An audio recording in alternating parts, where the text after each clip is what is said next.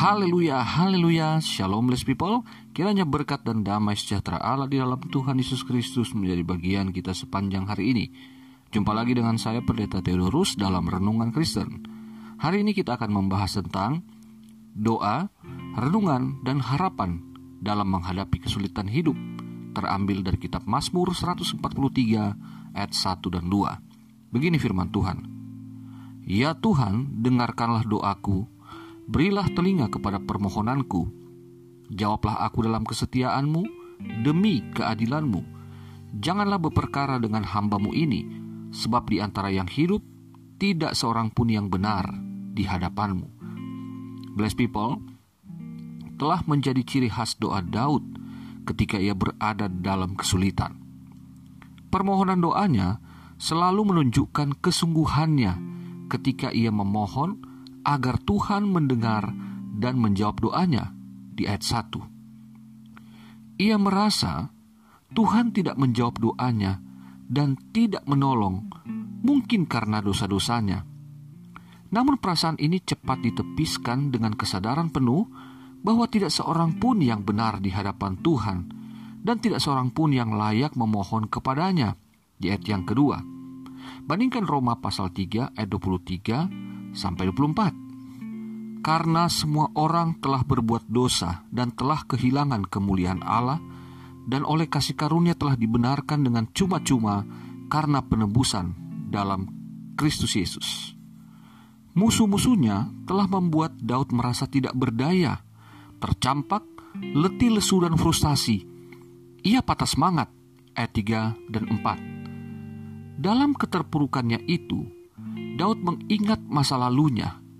Ia merenungkan segala pekerjaan Tuhan dan memikirkan perbuatan tangan Tuhan dalam hidupnya di ayat 5. Ketika Daud mengingat dan merenungkan segala pekerjaan dan perbuatan Tuhan sebelumnya, maka batinnya diperbarui dan jiwanya mengalami pemulihan.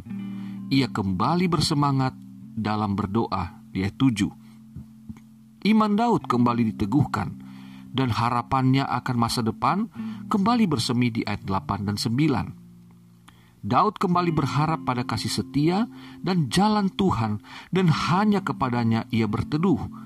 Daud percaya Tuhan akan melepaskannya dari para musuh.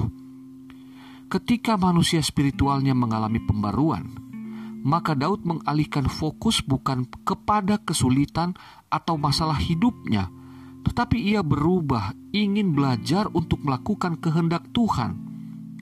Daud ingin dihidupkan oleh karena nama Tuhan dengan kesadaran penuh bahwa kesulitan-kesulitan dalam hidupnya adalah kehendak Allah yang harus ia lalui, tidak bisa ditolak karena ia hanya hambanya Tuhan. Ayat 10 sampai 12. Bagaimana dengan kita blessed people? Ketika kita merasa bahwa rasanya Tuhan kok tidak menjawab doa. Kita merasa berdosa. Apa karena dosa saya sehingga Tuhan tidak mau menjawab doa? Ya, Yesaya pasal 59 ayat 1 dan 2 mengatakan, yang membuat Tuhan tidak mau mendengar dan mengulurkan tangan bagi umatnya adalah karena dosa. Tetapi saudaraku, memang kata surat Roma tadi, bahwa tidak mungkin kita tidak mempunyai dosa. Tetapi kasih karunia Allah di dalam Yesus Kristus telah memberikan kita jalan bahwa dengan kita menerima Yesus Kristus sebagai Tuhan dan Juru Selamat, kita sekarang sudah menjadi orang yang diampuni, orang yang dibenarkan, bukan karena benar ya, tapi dibenarkan lalu kita diberikan akses untuk bertemu dengan Allah Bapa. Dikatakan supaya kita dapat memperoleh kasih karunia dan memperoleh juga kepastian jawaban doa. Jadi saudaraku yang terkasih, apa yang kita alami sebagai umat perjanjian baru itu merupakan satu perasaan di masa lalu yang masih membayang-bayangi kita. Tetapi yuk kita fokus bahwa Yesus Kristus telah menyelesaikan segala hutang dosa yang kita perbuat di masa lalu, dan Dia dengan kasih setianya akan memberikan kita kekuatan agar kita dapat berjalan terus maju untuk memperoleh masa depan yang penuh harapan itu bukan dengan bayang-bayang masa lalu, tetapi dengan iman dan penuh harapan. Meskipun memang harus saya akui, tidak serta-merta kita langsung menjadi orang yang betul-betul bersih.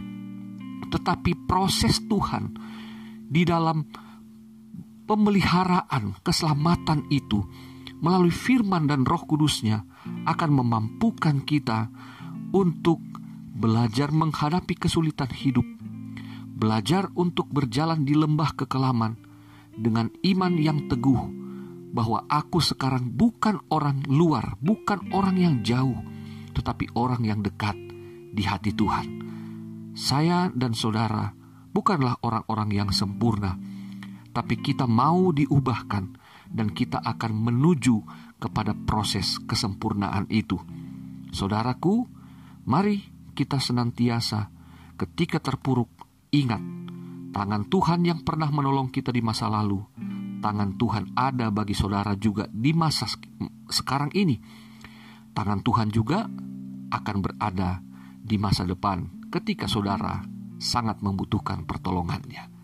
Mengapa? Sederhana, karena Allah itu adalah Bapa kita dan seorang Bapa tidak akan pernah membiarkan anak-anaknya mengalami kesulitan melebihi batas kemampuannya.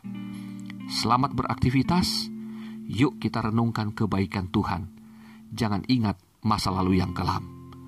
Tuhan Yesus memberkati saudara. Haleluya, bless people.